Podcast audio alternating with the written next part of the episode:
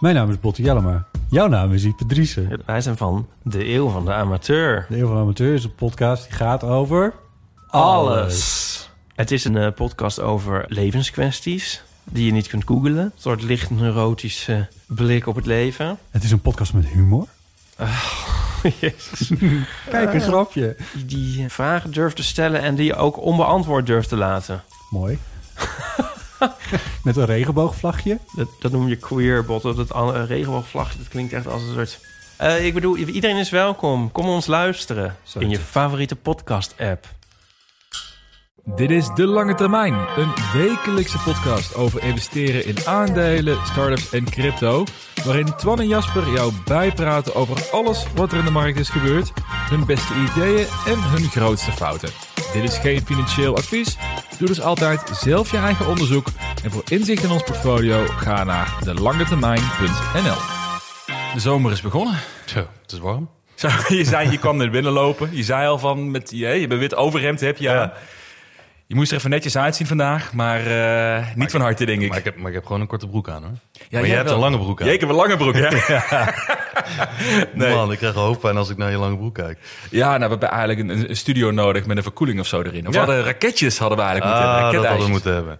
Ik weet niet of dat voor de, voor de mensen die thuis luisteren, dat het een heel lekkere luid gaat zijn. Oh, jongen. Nee. Ach, we hebben iets beters dan raketjes vandaag, hè? Hebben we weer de whisky? Ja, welke hebben we? Nou, ik hoorde net dat jij zei dat het jouw huiswhisky is. En het, we hebben de Glenfiddich, Ja. 12 jaar original, malt, single malt. Ja. Ja, dit, is, het- dit kan nooit mis, toch, dit? Nee, dit is... eh, nou, ik moet wel zeggen... Dit was altijd mijn huiswhisky. Ik heb nu Dalwhinnie. Dat is een beetje mijn huiswhisky nu. Ja. Maar die is iets duurder. Dus eh, hè, je hebt niet altijd geld. Maar al die whiskies die we nu aan het proberen zijn... waar ik die hele batch van gekocht heb... Ja. daar zitten toch best wel een aantal bij... die dan een beetje lijken op die Glenfiddich. En ja, nu denk ik van, joh, maakt me niet uit. Er zijn er sommige die zijn wat, wat, wat flauwer. Sommige zijn veel te rokerig voor mij. Die zou ik niet elke keer willen drinken. Elke dag als ik opsta. Eh, In je maar, ja, in je koffie. Maar eh, nee, er, er zijn er toch best wel wat eh, die eh, zijn blijven plakken. Dat, eh, ik vind het wel leuk. Ja, een heb beetje je- afwisseling. Moet je een keer delen, anders je top 10 lijstje met eh, whisky. Mm, Dat is een goed idee. ja, goeie. Het, eh, nou, deze is in ieder geval sowieso weer geslaagd. Ik zat dus net, ik zat dus net in de auto en ik zat ook te denken van... Mensen luisteren naar deze podcast. Ze horen ons beginnen met whisky. Ja. Ik denk heel veel mensen luisteren deze op eh, het eerste uur dat hij live staat. In Ja. half acht op donderdagochtend.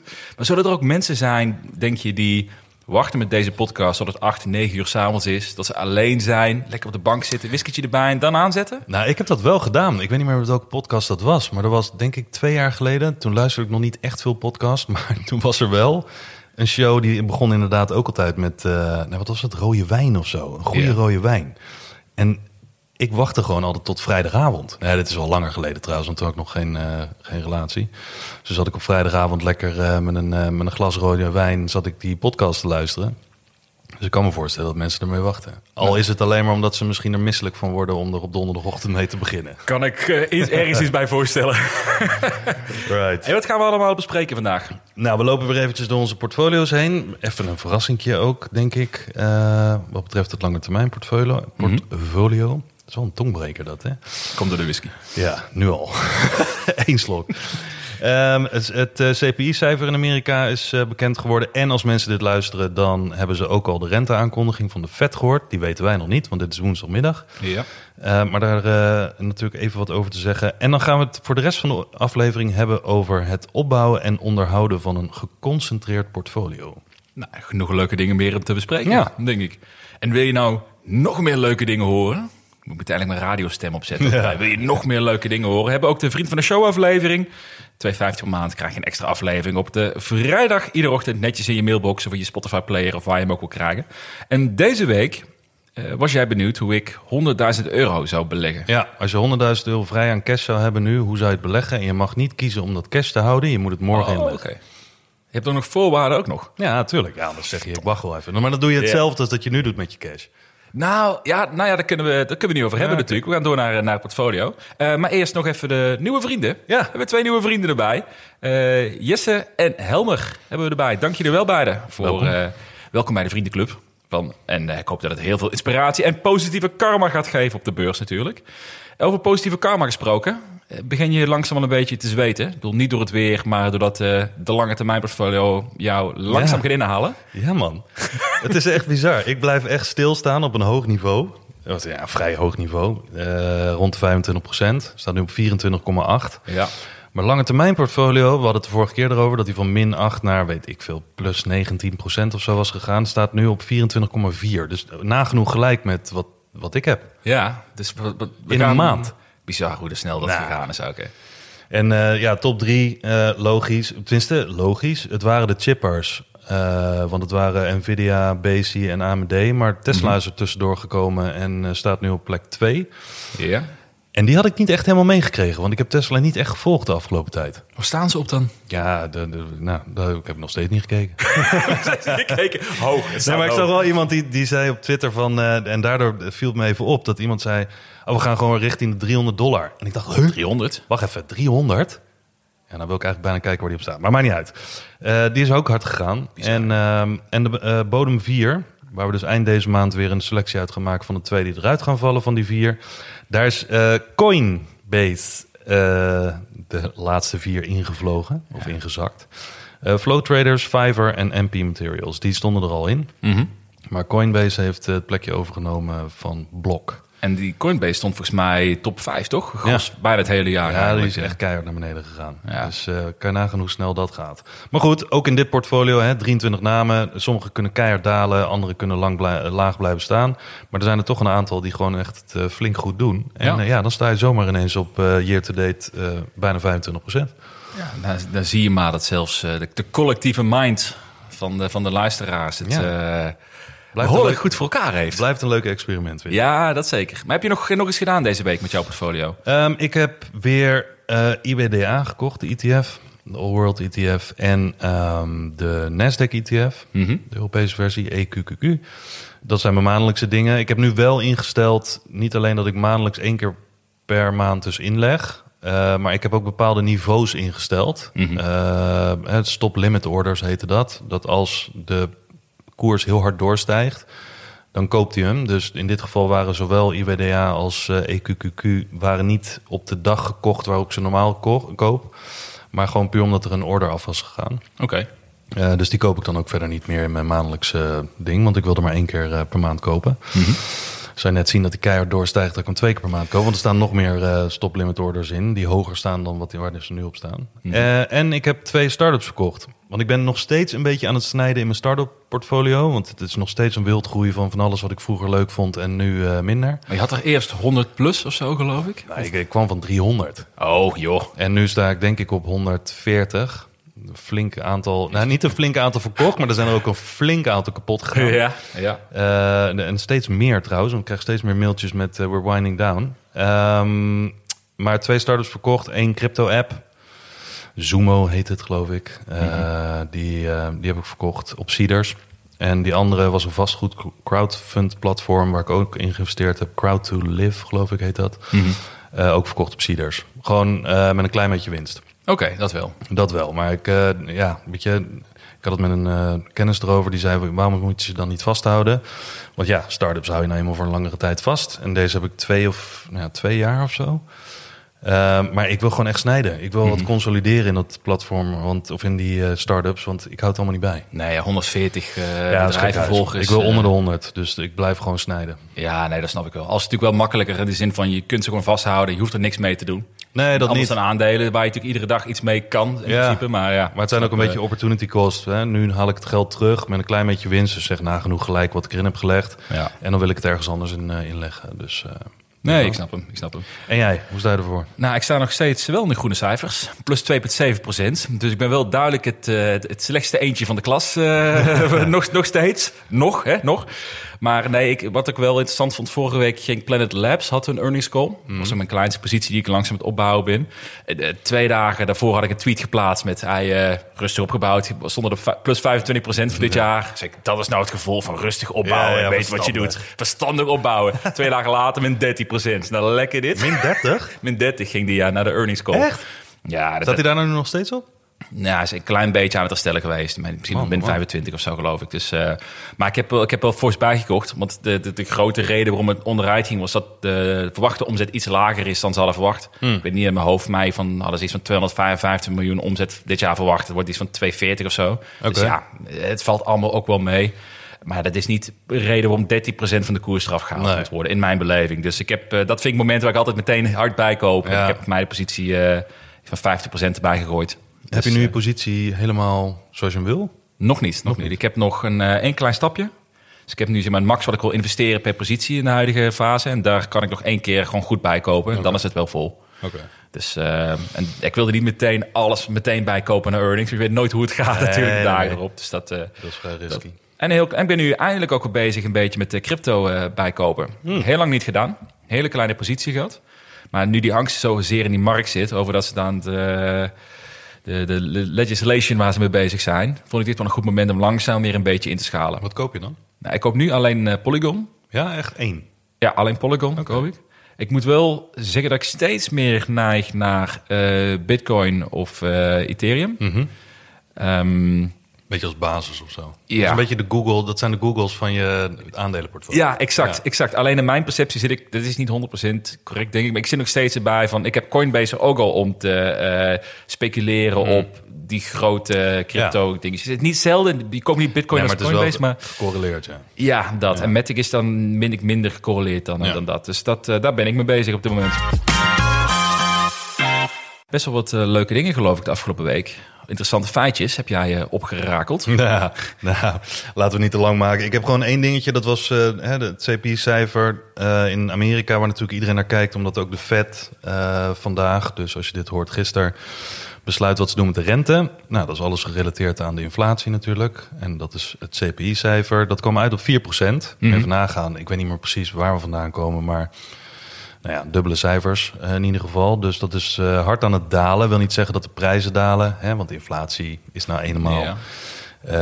eh, de, de snelheid en de mate waarin het, de prijzen stijgen. Dus ze stijgen nog steeds, maar minder hard. 4% werd nagenoeg wat er verwacht werd. 0,1% minder, geloof ik. Ehm, en dat was de kleinste stijging op jaarbasis sinds maart 2021. Oké. Dus alweer ruim twee jaar geleden. Ehm, en nu is de vraag, is dit genoeg voor de Fed om te pauzeren? Ehm, en helemaal, denk ik, eh, omdat het CPI-cijfer is altijd een lagging indicator. Dat betekent, ze kijken naar wat er gebeurd is versus vorig jaar. Ja, ze nemen ook de, de laatste twee jaar mee. Ehm, en daar gaan ze hun analyse op baseren. En dan zeggen ze, oké, het is 4% in dit geval. Eh, mei dit jaar versus mei vorig jaar. Maar al die indicators die zijn allemaal dus lagging, dus lopen achter. En er is een website, Trueflation, en dat wordt nu in de volksmond ook al de werkelijke inflatie eh, genoemd. Ja. Ehm, waarbij aangegeven wordt dat inflatie op dit moment al 2,5% staat. En, dat, dat meten ze door miljoenen datapunten vanuit overal. Hè, want in Amerika ligt heel veel informatie op straat in die zin. En in Nederland is dat wat lastiger. Ehm, dus die meten dan op basis van wat is het verschil met vorige week? Wat is het verschil met gisteren? Dus echt eh, bijna real-time kan je die inflatie. Dus hè, voedselprijzen, eh, used cars, eh, eh, rent, weet je wel, dat soort dingen allemaal. Wat, wat wij natuurlijk ook allemaal meten. Maar wij moeten erop wachten totdat het bekend wordt gemaakt door het CBS. En in dit geval kunnen zij dat tracken. Staat op 2,5 procent, de werkelijke inflatie. En dat zou betekenen dat als dat zo is, dat de eh, Fed genoeg heeft gedaan. Want de target rate van de Fed, dus target inflatie, wat ze willen, is tussen de 2 en 3 procent. Ja. Maar Dus- Denk je dat dit impact gaat maken? Denk je dat ze daar ook naar kijken? Nou, ik, natuurlijk, ik denk niet dat ze naar die website kijken, Nee, specifiek zoals wij dat doen. Maar ze hebben natuurlijk ook heel veel datapunten. Ik kan me niet voorstellen dat zij alleen maar terugkijken. Eh, maar dat is nou eenmaal de rekenmethode die ze tot nu toe altijd hebben gebruikt. En dat heeft heel veel effect op dingen. Maar ja, er wordt dus nu een 99% kans ingeprijsd dat... De, de markt prijst dat in dat ze gaan pauzeren. Oké. Dus heel veel mensen zeggen nu: yes, eindelijk die pauze. Want dat hebben ze in 15 maanden niet gedaan sinds ze zijn gaan verhogen. Dat zou een draai van dus de pivot van, de- van de Fed zijn, maar dat is geen pivot. Dat is gewoon pauzeren. En Ja, dat kan betekenen dat ze volgende maand, dus in juli, alsnog verhogen. Maar ze, met een pauze geven ze gewoon eigenlijk aan... we willen het even wat verder aankijken of dit beklijft... Mhm. of dat dit een eh, one-time ding was. Eh, een toevalligheidje. Ehm, dus ja, als je dit hoort, dan heb je het al eh, gezien. Maar dat betekent dus niet, dat, dat denk ik eigenlijk... dat bedoel ik er eigenlijk mee... pauzeren is een goed signaal voor de markt. In die zin omdat heel veel mensen dan denken... Hè, ik gooi mijn geld er toch in. Mhm. Ze hebben hun werk gedaan. Renteverhogingen zullen niet meer aankomen. Maar het kan nog steeds.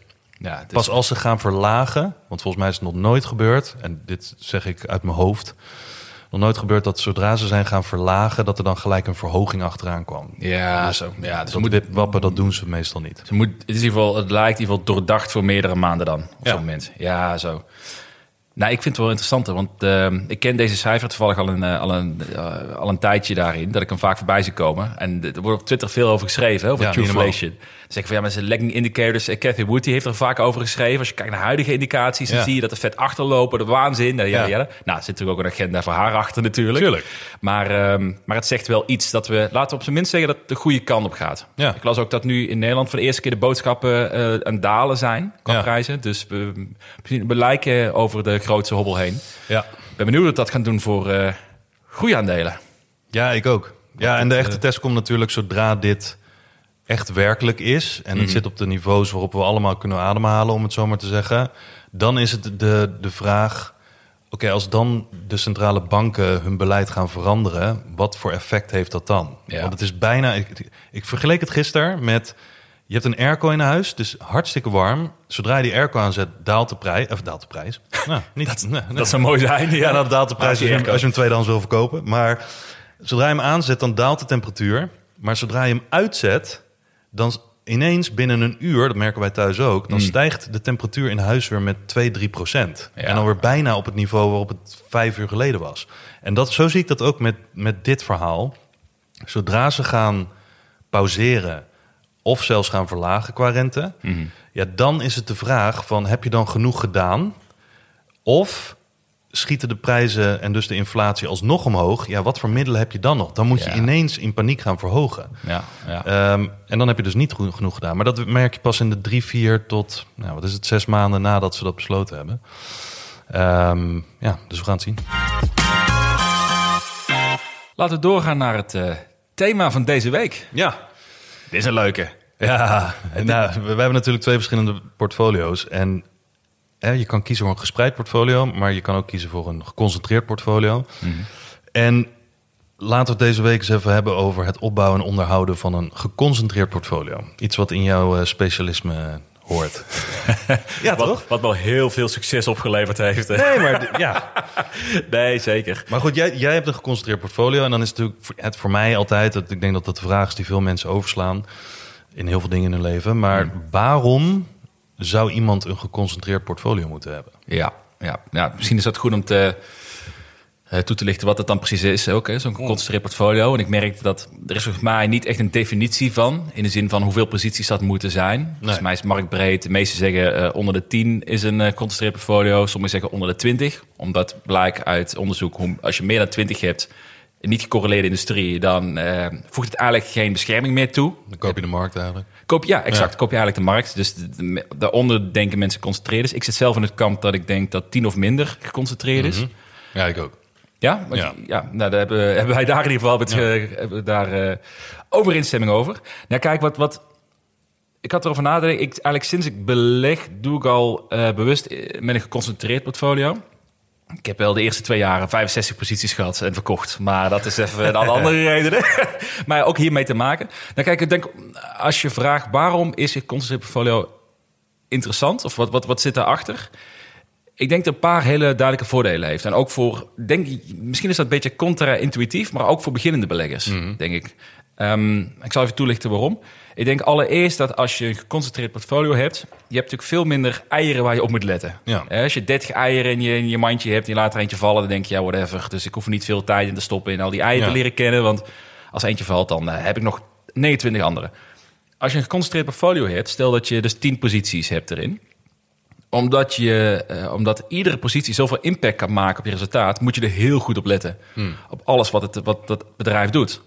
Maar dat betekent dus ook dat je automatisch eh, veel meer aandacht gaat krijgen voor de investeringen die, je die je hebt. Dus je moet echt op de hoogte blijven wat het is. Maar ook, je wordt denk ik veel kritischer op wat je koopt. Ja. Ik vond laatst een mooi, dat zei jij een paar afleveringen geleden. Toen had ik mijn portfolio-strategie was ik aan, waren we aan het bespreken. En toen zei je ook van eigenlijk zou je moeten kiezen als jij voor het max 10 posities hebt en je wil een nieuwe aandeel kopen, dat die beter moet zijn dan degene die je al hebt. Ja. Dus je moet een andere eruit gooien. Ja. En als je op die manier ernaar kijkt, dan ga je natuurlijk veel kritischer nadenken dan denk ik wat veel beleggers doen van oh, eh, Facebook staat 50% onder all-time high. Dat is een goede deal. Eh, Nvidia is 10% gedaald. Dat ga ik ook al kopen. En dat je een hele wildgroei krijgt aan aandelen in je portfolio. ja, en die duizend euro die je dan in Meta als nieuwe positie stopt... die had je net zo goed in een van de tien kunnen stoppen ja, die Exact. je al hebt. En waarom Ja, doe je dat exact. dan niet? Ja. Ja, e- exact. Dat is ook zo'n, eh, volgens mij is Pieter Lynch, denk ik, heeft dat als, als wijsheid ook van waarom, eh, en dat, dat, daar kom ik in mijn hoofd soms ook niet bij. Je hebt heel veel mensen die kopen heel veel posities, want ze denken hoe meer posities, hoe veiliger, hoe beter, want Ja. meer spread. Maar wat jij zegt inderdaad, waarom zou je, eh, als je een retailbelegger bent, je hebt niet miljoenen om te beleggen, waarom zou je je geld stoppen in je vijftiende beste idee en niet in je vijfde beste idee Ja. of tweede beste idee? Ja, klinkt, klinkt heel bizar eigenlijk, hè? Ja, toch? Ja. Maar, maar, het is ieder, maar heel veel beleggers doen het, denk ik, Ja. op die manier. En Ja. dan krijg je weer de argumenten, ja, eh, wat ik net zei, veiligheid, yada yada. Maar ja, dat is denk ik de kracht van geconcentreerd portfolio's. Dat je heel goed nadenkt wat dan de redenen zijn waarom je daarin investeert. Mhm. En dan durf je ook te gaan voor die bedrijven waar je in gelooft... in plaats van steeds uitbreiden en uitbreiden. Mhm. Ehm, dus dat is denk ik het tweede. Een derde waarom ik het voor beginners heel interessant vind... eh, misschien wel naast ETF's. Ik denk dat dat wel de kern dan zou moeten zijn... want anders neem je denk ik te veel risico, zeker in het begin. Ehm, maar we hebben het vaak over gehad.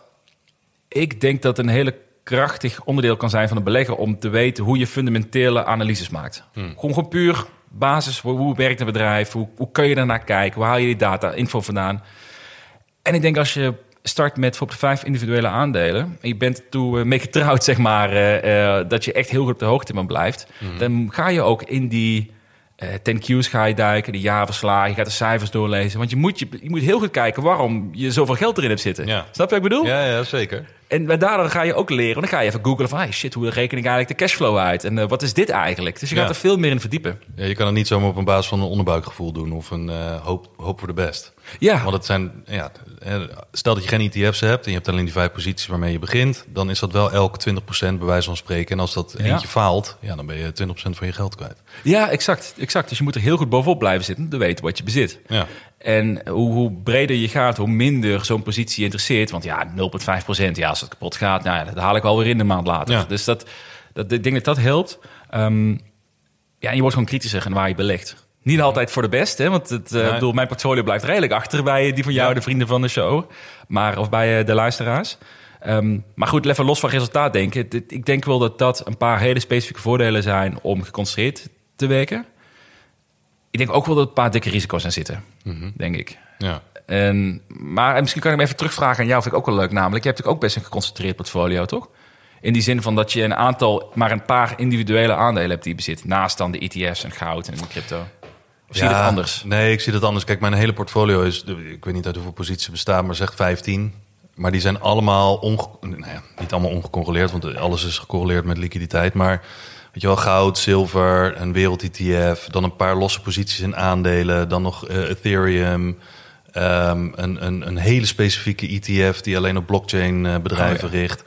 Dus dat is, dat is heel gespreid. Hè? Mhm. Zowel qua aantal posities, denk ik, 15 of 16 posities. Ook nog een India-ETF. Dat is ook. Oh ja, ja. Die India-ETF heeft dan in die zin niet zoveel te maken met eh, Bitcoin of met goud of weet ik veel wat.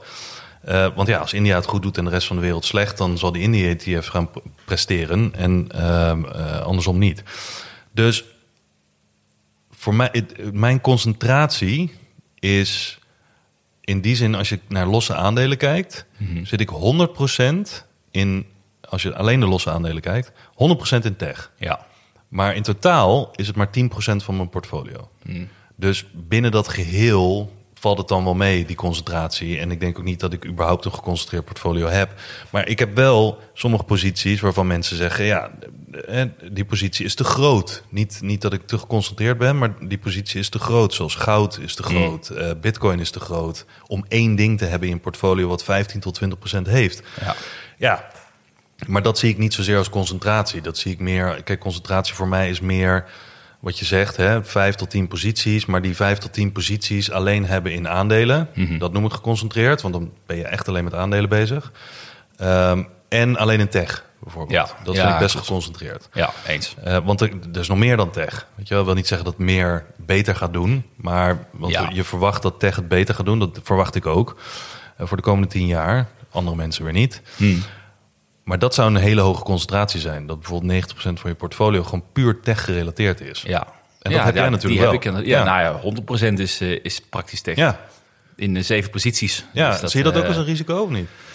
eh, nou, gek genoeg niet eigenlijk. Nee? Nee, ik zie dat niet het risico. En het, en het komt omdat ik vind dat de term tech is... ehm, ik denk dat verkeerd geïnterpreteerd wordt. Ik denk dat, dat je, je hebt zeg maar de, de, de 10 of 12 industrieën waar je in kan zitten. Tech, consumer goods, eh, nou, noem ze maar op, automotive of whatever.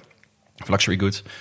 Ehm, maar tech is eigenlijk praktisch alles tegenwoordig, in mijn beleving. Ja. Want, want wat, wat is... En dat zie je ook heel veel bedrijven die misschien auto's verkopen. Zeggen, nee, wij zijn ook een techbedrijf, want we hebben ook eh, software die we aanbieden. En ik denk dat... En onze wereld is zo tech-driven, dat ik denk dat je daar niet meer onderuit komt Nee. daarin. Natuurlijk hebben we wel de, de foodproducenten, dat soort zaken. Of de, de, de, eh, de, de vastgoedbedrijven, dus de, st- de stenen. Ja, ja. de, Ja. Ahold van de wereld Ja. bijvoorbeeld. Ehm, alleen ik denk dat tech dus zo dominant is dat ik dat dus niet als een risico zie. Omdat er zoveel vormen van tech bestaat. Ja. Je hebt software en tech, je hebt eh, nou, tech, tech bedrijven die juist zitten op cloud bijvoorbeeld. nou, je hebt, nou, noem het even maar op. Ja. Dus dat, dat niet zozeer. Eh, ik denk wel het risico is als je kijkt naar een geconcentreerd portfolio. eh, Daar ben ik wel meer achter gekomen de laatste jaren. En da- daarom zijn dit soort gesprekken vind ik leuk. Want ik leer nu eh, dingen in de praktijk die jij misschien al tien jaar geleden ervaren hebt erin. En dat is leuk om over te hebben. Maar ik denk wel dat een paar hele serieuze risico's zijn naar een geconcentreerd portfolio. Daarom zeg ik ook dat mijn stijl van beleggen, maar voor heel weinig mensen denk ik een goede, op, goede beslissing hoeft te zijn of kan zijn.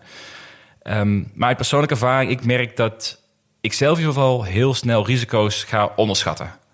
En dat is iets wat de laatste twee jaar denk ik, ik wel gemerkt heb. Want ik had, als je mij, als wij twee jaar geleden erover gepraat hadden, je had mij gezegd, hey, had je verwacht dat eh Canoe 90% zou dalen of Desktop Metal van 90% minder van de prijs overgenomen zou worden, zou ik denken, nee man, jij bent gek. Ja, dat doet toch niemand? kan toch niet? Weet je, weet je hoeveel dat bedrijf waard is, had ik je gezegd. maar het gebeurt wel. Wat je vroeger wel misschien had bij de term, en niet zozeer bij tech, maar bij, eh, hoe noemen ze dat nou? Penny stocks. Ja. Die Ja. term, daar wist je al bijna van tevoren van oké, dat kan een 90% daling worden. Want penny stocks klonk al heel ja, shady, Ja, weet ik veel wat. Maar bij tech, ja, daar heb je ook nou ja, penny stocks, maar je hebt ook pound stocks, om het zo maar te zeggen. Ja, dus de, de small caps zijn gewoon heel Ja, hard. small eh, caps. microcaps, ja. Ja, Nee, maar dat, ik denk dat ik dat onderschat heb, is van hoeveel ehm, risi- risico's er zijn dat het misgaat. Dus bijvoorbeeld overnames die je niet wil, zoals nu met Desktop Metal gebeurd is. Eh, bedrijven veel verder kunnen dalen omdat de liquiditeit opdroogt, waar je heel weinig controle over hebt. Eh, er zijn bedrijven die het hartstikke goed doen, maar gewoon, er is gewoon minder eh, smaak voor in de markt. Daalt het ook. Dus dat is best wel een risico. Ja. Dus er komt ook gewoon een factor geluk bij kijken. Volatiliteit, ik denk een hele grote. Moet je tegen kunnen. Daar moet je echt tegen kunnen. Want Ja. ik, ik heb wel, weet je nog dat ik die post had geplaatst op dat forum van eh, eh, Jong Beleggen? Ja, Van, ja, Ja, ja, ja. eh, Ik heb een keer discussie proberen te voeren over dat. In mijn beleving is volatiliteit niet iets negatiefs. Het geeft juist meer kansen om toe te slaan of te verkopen voor een goede prijs. Dat is mijn perceptie. Betekent ook niet dat volatiliteit betekent dat je meer rendement haalt per definitie. Dus Nee. dat nuance. Ehm, maar natuurlijk wat er gebeurt met volatiliteit. Heel veel mensen, zeker als je portfolio niet kent... Die zien bijvoorbeeld Planet Labs 30% dalen. En die denken, oh, dit is helemaal fout. Waarom Ja. zouden ze 30% verkopen? Ik ga eruit. Het is een verkeerde investering geweest. ja, maar zie je het dan ook dat volatiliteit eh, en de mate van volatiliteit voor jou aantrekkelijk is, omdat dat ook betekent dat als je het kan verwerken, psychologisch en ook natuurlijk financieel, Ja, ja. ehm, dat je een van de weinigen zou kunnen zijn die daarvan kan profiteren? ja zeker. Zeker. Dus dat zou ook een voordeel kunnen zijn dan van zo'n geconcentreerd portfolio, maar dan in, hè, want geconcentreerd wil niks zeggen over volatiliteit. Maar je bent wel gevoeliger voor volatiliteit als Ja. je aandelen kiest zoals jij, die up en down gaan met 30%. Maar als je dat overleeft, Mhm. in die zin, psychologisch allereerst, dan denk ik dat je, nou, ik denk niet dat er 90% van de mensen zijn die dat kunnen. Dat denk ik ook. Nee, dat denk, ik denk dat heel weinig mensen de, het, de, het leuk genoeg vinden beleggen om zich echt te verdiepen in bedrijven waar ze in investeren. Mhm. Daarom is ook de reden waarom denk ik de meeste mensen beter in ETF's kunnen zitten. Want het kost Ja. ook gewoon veel tijd. Kijk, wij, wij vinden het leuk om ons te verdiepen in beleggen en te Ja. leren hoe het is. Maar niet iedereen en dat hoeft ook helemaal niet. Maar als jij dus wel weet wat de bedrijven doen, of het goed gaat of niet achter de schermen, niet de koers. En je, je, je raakt niet in shock als het eh, aandeel 30% daalt. Maar je weet gewoon goed waarom je iets gekocht hebt. Ja, dan liggen daar echt kansen die heel weinig mensen denk ik kunnen zien. En ik, ik merk dat vaak. En ik denk jij ook op Twitter. Als bijvoorbeeld een aandeel die wij eh, die we bezitten. Als die plus 30% of min 30% gaat. Krijg je natuurlijk meteen reacties. Ja. Van holy shit, wat is er gebeurd? Ja. Moet je nu kopen? Moet je nu verkopen? Ga je eruit stappen? Wat is er aan de hand? Ja, part of the game. Ja, dat is part of the game. Eh, dat, ehm, ik denk dat weinig mensen dat kunnen, maar dat het ook een positief iets is. Maar ik beschouw het ook als een risico, omdat ik denk dat veel mensen onderschatten hoe, hoe volatiel het echt kan zijn. Want je- ja, wat ik zei, in mijn geval ben ik gewoon 60, of mij op het hoogtepunt zelfs 70% van mijn geld kwijtgeraakt. Ja. Op, ja, Op papier. Nou ja, op papier. Nou goed, ik beschouw dat nog steeds als 70% verlies in die zin. Maar ja, 70% van je geld kwijtraken. Dat denk je van nou hoeveel dat, dat met je doet. Denk je, dat, denk je dat in jouw ervaring mensen die kiezen voor een geconcentreerd portfolio met volatiele namen, dat die daaraan kunnen wennen, aan die volatiliteit? Ik, eh, ik denk het wel als ze de... Goeie vraag trouwens. Ik denk het wel als ze wel de tijd nemen om ervan te leren. Ja. Ehm, Want het moet beklijven, denk ik. Hè? ja, het moet echt beklijven. Ik, ik merk dat nu zelf heel erg. De laatste, eh, nou, laatste half jaar denk ik zeker. Dat ik, het- ik word helemaal niet meer... eh, ik ga in ieder geval apropos omdat ik zie dat een aandeel 10% daalt. Ik kijk, wat is, het, wat is de reden? Is er geen reden? Nou, whatever. Dan zie ik het wel later. Is er wel een reden? Oké, wat betekent dat? Is mijn investment case, is dat nu anders of niet? Ja. Maar het- ik heb de laatste weken dat ik helemaal niet meer naar kijk. Daarnaar. Het, maakt, het maakt ook niet meer uit of het veel daalt. Denk je dat dat een risico kan zijn? Dat je ongevoeliger wordt voor die volatiliteit? Wat, denk je dat je daardoor dingen gaat missen? Ik denk dat het risico is dat je eh, het vast gaat houden om het vasthouden. Zeker als je publiekelijk over bent, dit in mijn geval, maar ook als je bijvoorbeeld je vrienden hebt gehad welke aandelen je in zit. Dan, dan koppel je toch een beetje je persona of je ego koppel je aan het aandeel. En dan wil je dat het, dat het slaagt. En ik denk dat dat een groot risico is. Dat je denkt van, eh, nou, ik heb ooit een keer aandeel X eh, heel hard eh, fanatiek over geweest. Ik, ik moet dat vasthouden, want ik geloof dat dat uiteindelijk wel goed komt. Ja. Dat je daarom een blinde vlek krijgt voor echte informatie die je eigenlijk had moeten zien. Ja. Dus de, ehm, is een beetje, je- gaat lezen wat je wil lezen. Ja. Uiteindelijk. En ik denk wel, omdat je zo geconcentreerd bent, dat je. Dat is ook een goed risico, denk ik. Dat je meer gevoelsmatig verbonden bent met het succes van een aandeel. Dat je ook meer gaat hopen Mhm. Ja. het, dat het ooit goed komt. ja, er staat meer op het spel. Eh, Toch? ja, als je staat- 20 namen hebt, dan heeft elk, eh, elke naam 5% effect. Dus eh, daar, dat is Ja. ook een risico, want dan denk je, ja, het zal wel. Ja, dat. Maar je bent ook, omdat het een van de twintig is. Ik denk, het is misschien een slecht voorbeeld. Maar als je twintig kinderen hebt en, je hebt en je hebt één kind. Dan, dan zal je, als je in de situatie bent van één kind, zal er waarschijnlijk zal je daar veel meer aandacht en liefde en wat dan ook voor hebben dan twintig. Ja. En eh, misschien zijn het ouders zullen het bij oneens zijn. Die zeggen, ik heb liefde voor alle Ah, twintig joh, als, er kinderen. één, als er één niks wordt, boeien. Dus Nou ja. nog 19. Dat is ook 95% succeskans. Oh, die is super dom. Nee, maar, maar je, je kunt het ehm, minder veroorloven om slechte keuzes te maken bij Ja. vijf. En dat betekent ook dat je dingen gaat zien die er misschien niet zijn. Ja. En dat heb ik gemerkt bijvoorbeeld bij, een, eh, bij Canoe, waar er gewoon signalen waren van het gaat langer duren dan, dan het eigenlijk had moeten zijn. Mhm. En nu een jaar later denk ik, ja, die had ik moeten zien. En Mhm. dat is een risico, denk ik, dat je te veel gaat geloven, gaat hopen. In plaats van dat je, je moet heel kritisch kunnen blijven. Ja. En dat is voor mij wel een leerschool. Heb je, ook een, ehm, heb je ook een proces voor het samenstellen van een geconcentreerd portfolio? Ja. Want eh, hè, er zijn heel veel mensen, hè, even hoe ik begonnen ben. Ik ben ook met een geconcentreerd portfolio begonnen. Mhm. Vier namen. Ik, was, ik wist niet wat ik aan het doen was, dus ik koos gewoon... Ik had geen idee hoe ik die dingen moest kiezen. Dus ik koos gewoon wat me leuk leek. Mhm. Apple, ik weet niet meer. Ik weet niet eens meer wat die andere namen waren. Eh, ik koos wat er me verteld werd door, door vrienden of kennissen of mensen die er al langer in zaten. Iets waar ik affiniteit mee had, producten die ik gebruikte. En ik had er vier. Ja. Ik dacht, nou ja, prima. Meer geld had ik niet om in te leggen. En ik had ook geen zin in kleine posities. Dus toen had ik maar vier namen. Maar die had ik ja, niet heel wetenschappelijk bepaald. Hoe heb jij dat gedaan? Ja, goeie. Nou, ik denk dat mijn proces is... Ik kijk eerst naar de industrieën waar ik graag in wil zitten. Dus ik heb toen een keer een lijstje gemaakt met iets van 20 industrieën in tech... waar ik eh, veel verwachtingen van heb. Ik ben die cijfers gaan opzoeken. We gaan kijken hoe groot is de industrie... eh, wat is de verwachting van de groei de komende jaren... En daar heb ik gekeken naar ehm, maar tien industrieën waar ik graag in zou willen zitten. Dat was toen eh, 3D-printing, EV's, eh, connectivity, beetje dat, dat tien van dat soort bedrijven of industrieën. En toen ben ik gewoon per industrie gaan kijken welke aandelen zitten daarin. En ik ben per, per industrie bekeken welk aandeel spreekt mij aan. Waar Ja. zou ik graag eens mee willen. En dat kan best wel hoog over, dus ik ging gewoon investmentpresentaties lezen. Dat zijn ook super leuk om te lezen, denk ik. Ja.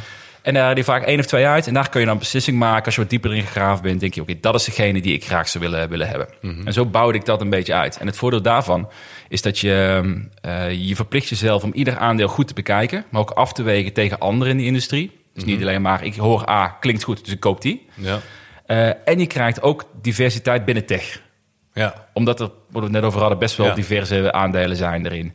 Eh, dus je krijgt al wat meer eh, verschillende type aandelen... waar je ook nog gelooft in de industrie. Krijg je ook nog eens een keer erbij. En op die manier kun je best wel een mooi portfolio samenstellen. ja. Ehm, En, dus- en hoe houd je...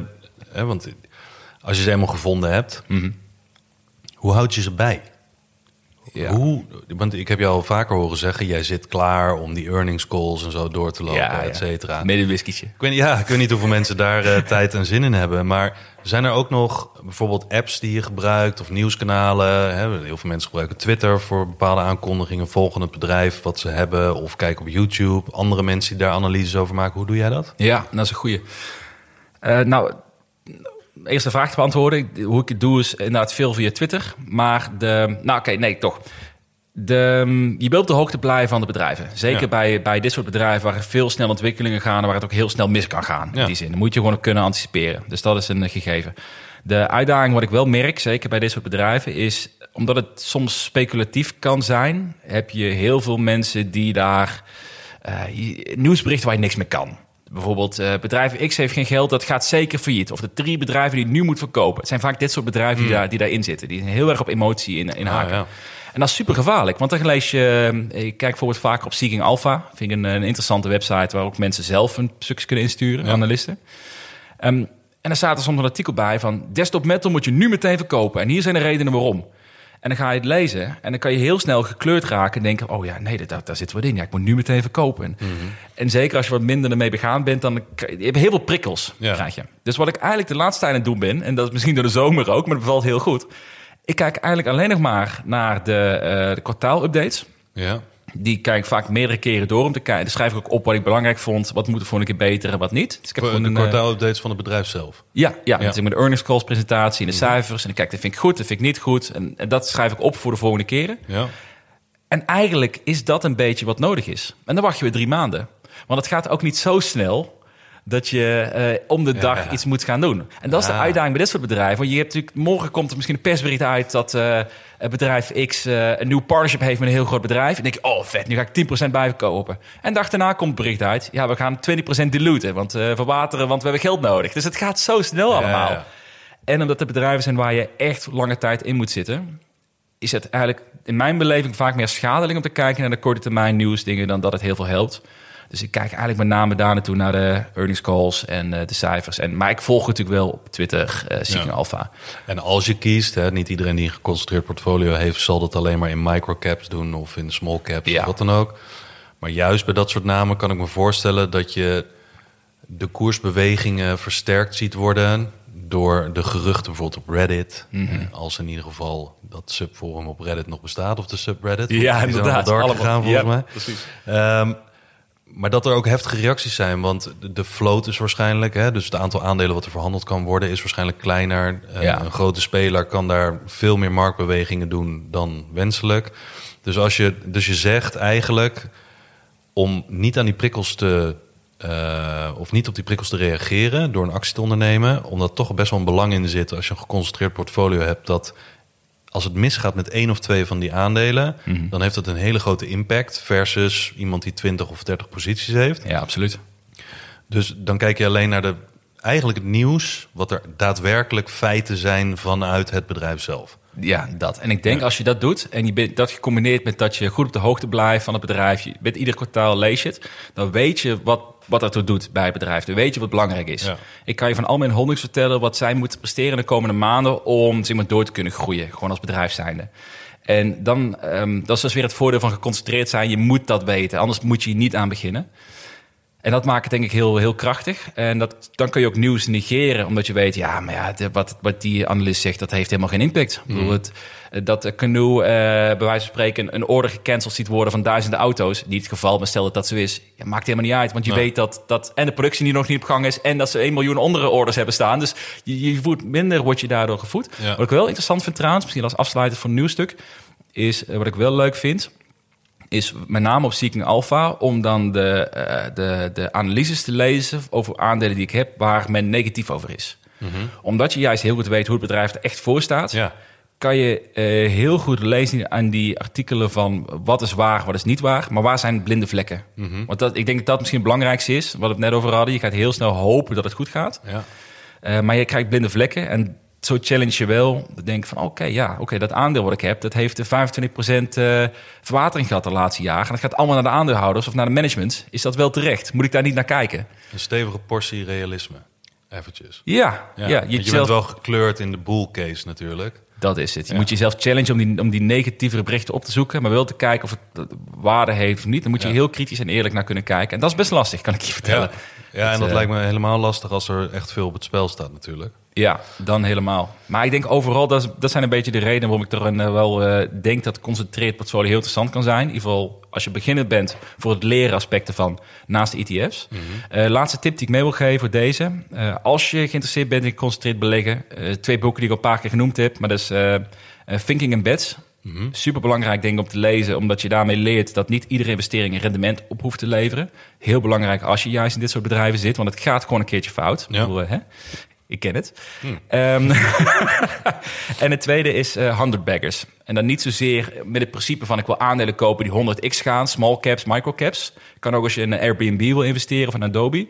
Maar het, eh, dat leert jou heel sterk waar je op moet letten als je in dat soort bedrijven investeert met een groeifase voor zich. Ja. Dus dat, dat, eh, die is trouwens gratis te downloaden als je googelt naar eh 100 baggers PDF. Oh ja? Dus Oh, dan ga ik hem ook even lezen. Nee, dat, die moet ik ook nog steeds lezen. Lijkt me heel interessant. Maar een laatste vraag. Zou je ooit... Ja, dat weet je niet natuurlijk.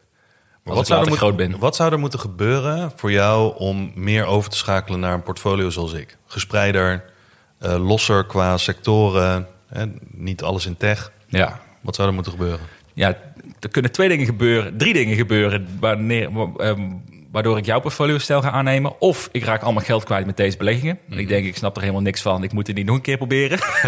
Die kans is best, dat- dat, dat kan gebeuren.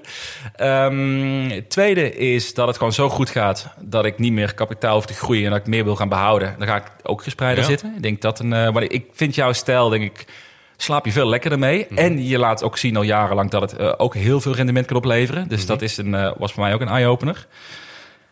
En de derde, wat was nou de derde? Nou goed, dat waren de twee belangrijkste. Oké. De derde kom, kom ik niet meer op. Maar voorlopig nog niet.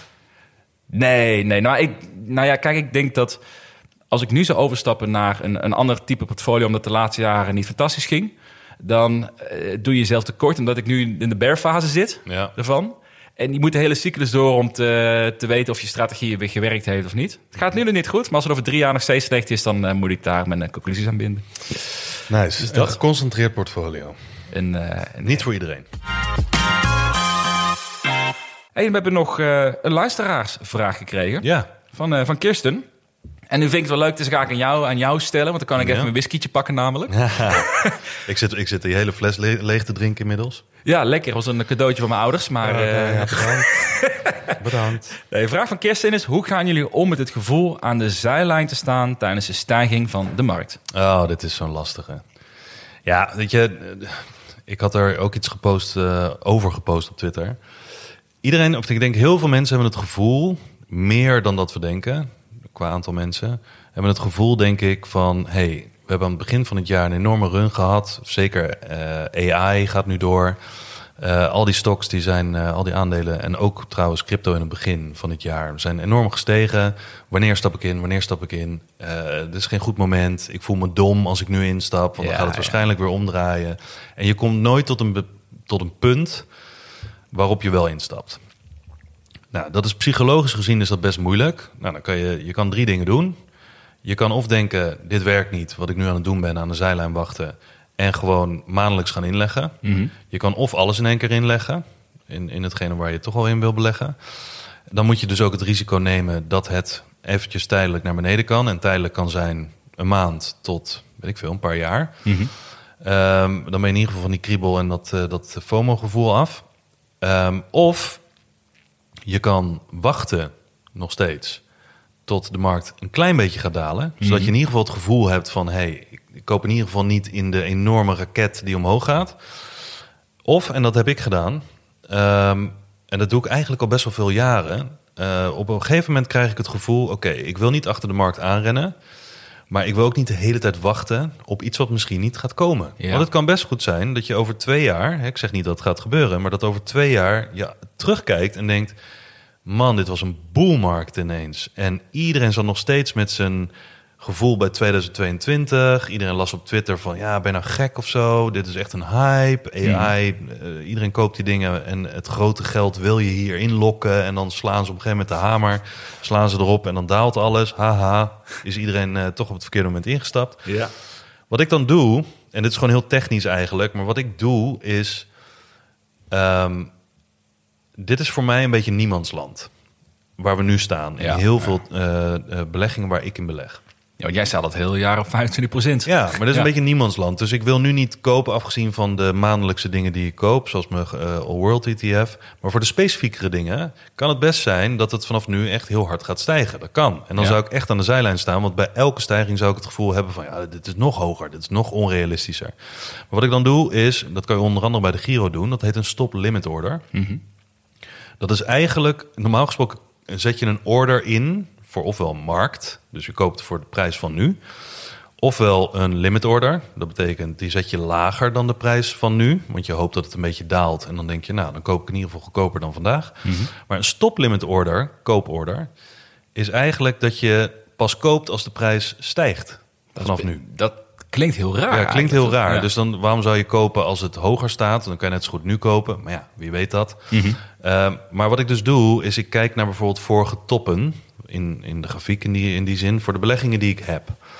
Eh, en zeker voor de beleggingen waar ik nog geen volledige positie in op heb gebouwd. Want dat kan zomaar zijn, zoals bij die India-ETF... dat als het vanaf hier door blijft stijgen... dat ik met een 0,3% allocatie in mijn port... Nou, dan kan ik hem net zo goed wegdoen. Ja, ja, exact. Ja, Nou, en eh, ja. dan gaat het nooit meer zo laag komen dat ik al die limit orders, dat die gevuld gaan worden lager dan waar de prijs nu op staat. Een stop limit order zet ik dan in dat geval boven een vorige top. Mhm. Zeg dat dat, noem maar iets, eh 40 euro is voor die ETF. Eén stuk is 40 euro was de vorige top, staat nu op 30 euro. Wat ik dan doe, is dan zet ik een stop limit order waarmee die op 42 euro bijvoorbeeld, hè, toch een beetje eh, niet gelijk op de top, want het kan ook zomaar overshooten en dan weer naar beneden heb je de top gekocht. Dus net erboven, op 44 euro, eh, 10% hoger, ehm, een stop limit order en die gaat dan af op het moment dat die koers de 44 of 42 euro heeft bereikt. En je geeft ook een limiet aan van oké, eh, op het moment dat hij die 42 euro heeft bereikt, wil ik alleen maar dat stuk aandeel kopen, of in dit geval de ETF, ehm, als het nog niet voorbij de 45 is. Want als het in één keer keihard omhoog gaat, Ja. ja, dan weet je in ieder geval dat je die niet wil kopen, want dan kan je echt wel even wachten tot het naar beneden gaat. Weet je wel, in Mm. één dag 10% bijvoorbeeld, nou die gaat heus wel een keer dalen. Maar als het mondjesmaat omhoog gaat, kan je gewoon zeggen, de vorige top was 40, nu staat hij op 30. Ik leg nog niet in, want ik heb geen idee waar het heen gaat. Ehm, maar op het moment dat hij die vorige top heeft bereikt, net daarboven, leg ik die limietorder in, die stop limit order. En wat je daarmee dus doet, is door te zeggen: ik geloof niet dat het daar komt en zeker niet zo snel. Maar op het moment dat het dus de vorige top verbreekt en het echt start is van een enorme boelmarkt, dan sta je in ieder geval niet aan de zijlijn. Ja. Want dan gaat je order wel af. Tuurlijk koop je hem dan voor meer dan dat je nu zou kunnen kopen. Maar dat doe je dan wel in een boelmarkt. En niet in een choppy markt zoals dit of weet ik veel wat. Dit- Klinkt dit eh, logisch of niet? ik, zit, ik zit te luisteren. Ik, ik heb het gevoel alsof ik een hele wetenschap eh, nu eh, te horen heb gekregen. Het enige wat je hoeft te weten in die zin is dat je zorgt in ieder geval dat je niet voor eeuwig aan de zijlijn staat. Ja, ja. Ehm, je hebt in ieder geval, dat noem ik mijn, mijn soort fail-safe. Hmm. Ik geloof niet dat bij heel veel beleggingen, zoals de Nasdaq in dit geval, dat die binnen no time eh, de vorige all-time high gaat verbreken. Mhm. Maar ja, eh, weet je, wat voor waarschijnlijkheid geef ik dat? 20 procent? Maar ja, Ja. het kan dus zijn dat, dat het wel zo gaat gebeuren. Ja, dan wil ik in ieder geval dat ik misschien 20% van mijn positie dat in ieder geval wel boven die all-time high dat gaat kopen. Ja. Ehm, want ja, dat is gewoon een strategie. Dan, sta, dan heb ik maar wat minder winst. Maar dan heb ik in ieder geval wel winst. Als hij vanaf dan weer verder gaat stijgen. Dus eigenlijk samenvattend, de strategie is koop als hij hoger staat. Ja. ja, koop, dus je wacht op bevestiging. Je wacht Ja, eigenlijk op precies. bevestiging of er een nieuwe boelmarkt echt, echt benen heeft. Ja, in plaats van wat ze nu zeggen, officieel zitten we nu in een boelmarkt. Maar ja, dat was sinds vorige week of zo. Weet je wel, al die statistieken die je Mm. dan leest. Whatever. Maar dan wacht je gewoon iets meer op bevestiging. En ja, in die zin doe ik dat. En Kirsten vraagt, hoe ga je dus om met dat gevoel aan de zijlijn te staan? Eh, door een actie in te plannen, die je nu niet morgen neemt. Dat doe ik dan. Ehm, en vervolgens, ja, op basis van ervaring kan ik zeggen... ja, dit zal je altijd hebben. Mhm. Het voelt altijd alsof je... Het voelt eh, altijd alsof je ja. aan de zijlijn staat. eh, tenzij je altijd belegd bent. Maar dan heb je altijd het gevoel dat je het beter had kunnen doen... omdat je namelijk nooit meer cash hebt om het dips te kopen ja, bijvoorbeeld. het is nooit Dus het ideale nooit scenario. Of je Nee. hebt te veel geld of je hebt geen geld. Ja. Op het moment dat je het nodig hebt in beide gevallen. Of je staat in de, eh, aan de zijlijn... of je zit in een trein die volledig de afgrond in eh, rijdt. Ja, Exact. Ja, whatever. En het mooie is, een maand later kan het helemaal andersom zijn. Ja. Dan had je gehoopt dat je cash had of had je gehoopt dat je geïnvesteerd had. Precies. Dus we weten het eigenlijk nooit. Is niet te veel om dat gevoel vasthangen. Nee, heel. Daar komt het weer. Maar onderneem actie, of het is plan de actie. Dat is, Doen, ja. Niks doen is niks. Nee, het afwachten op. Ik wacht tot die weer veel lager gaat. is sowieso een ding. Een Nee, dat, dat is eh, sowieso niks. in ieder geval, voor het, als je er dan volledig in cash blijft zitten tot die, actie, Ja. tot die tijd, is denk ik niet heel logisch. En wij gaan verder met eh, de Vriend van de Show aflevering. Hoe ik, eh, met de vraag hoe ik 100.000 euro vrije cash wil investeren in deze markt. Ja. Moet er een eh, raketje bij pakken, denk ik. Het Ja. langzaam warm te worden hier binnen. Het is echt goed worden hier. ja. We gaan hem afsluiten. Ehm, denk eraan, steun ons door een score te geven op Spotify of Apple iTunes. Het is geen gratis podcast. Hè? Als je twee keer beluisterd hebt, gewoon betalen met een stem. Ik vind je wel streng aan het eind van onze podcast. Ja, maar dat komt door die whisky. Die, Niet eh, gratis? ja, is niet gratis, gek, is niet gratis. Dus eh, nee, maar dat is natuurlijk hartstikke fijn om eh, ons daarmee een klein beetje te kunnen steunen door een score te geven. Vinden wij ook leuk om te weten of het gewaardeerd wordt. Ja. Voor nu, dankjewel allemaal voor het luisteren en eh, tot de volgende week.